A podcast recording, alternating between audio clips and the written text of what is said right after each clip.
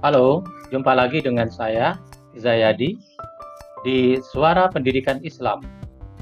Hari ini kita akan membahas satu topik yang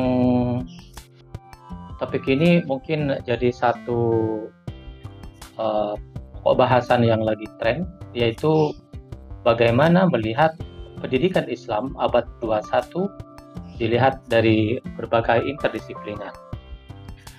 Sahabat-sahabat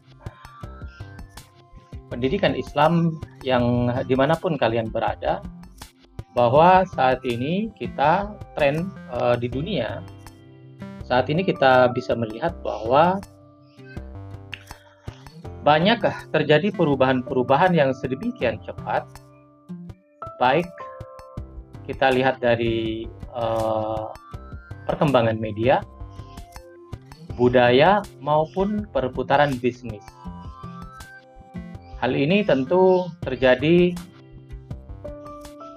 di segala lini, misalnya seperti kalau kita lihat dalam konteks uh, media uh, ICT, salah satunya adalah uh, smartphone.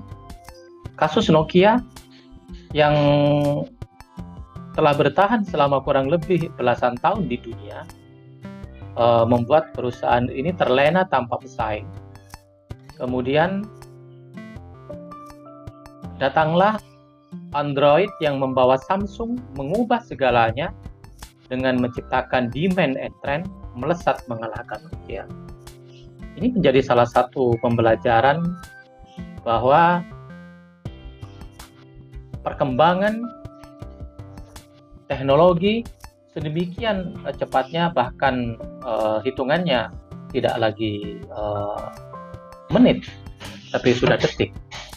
Sehingga kalau terlena maka kejadian yang terjadi pada Nokia bisa terjadi. Salah satunya juga pada lembaga pendidikan. Kondisi yang terkait dengan bagaimana teknologi mengubah segalanya dengan cepat itu juga ternyata terjadi di dunia pendidikan. Sejauh ini terkesan respon pendidikan atau respon dunia pendidikan masih pada se, uh, masih uh, pada sebagai lifestyle saja, belum pada esensi. Pembelajaran abad 21 yang menuntut media bukan lagi sebagai media, tapi media juga dapat bertindak sebagai lingkungan dan bahkan learning resource atau sumber belajar.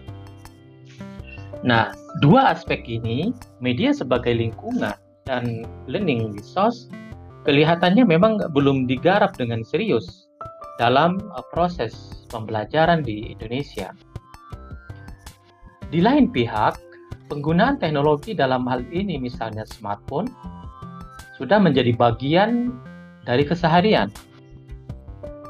Penggunaan smartphone misalnya bukan hanya di kalangan dewasa, melainkan juga anak-anak usia sekolah. Namun kelihatannya sekolah agak sedikit malu-malu mengungkapkan problem atau kesulitan dalam belajar mengajar akibat siswa banyak yang mengakses smartphone, sedangkan guru masih menggunakan cara-cara lama. Inilah kemudian yang terjadi di banyak lembaga pendidikan, terutama lebih spesifik adalah lembaga pendidikan Islam. Tuntutan pembelajaran dewasa ini di tengah realita budaya teknologi yang tidak bisa dihindari, semua lini pendidikan kemudian dituntut untuk menciptakan manusia yang mampu.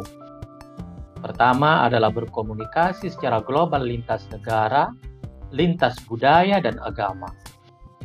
Kemudian, kebutuhan yang kedua adalah collaboration skill, yaitu kemampuan bekerja sama dengan bangsa sendiri dan bangsa lain secara terbuka dan transparan. Kemampuan yang ketiga adalah creativity. Kreatif dalam mencari solusi, berinovasi, dan mampu menghasilkan sesuatu yang baru dan yang keempat, critical thinking, yaitu mampu berpikir kritis dalam menghadapi informasi domestik dan global. Keempat hal ini dikenal dengan 4C, pembelajaran abad 21 atau kemampuan global yang harus dimiliki siswa hari ini dan nanti.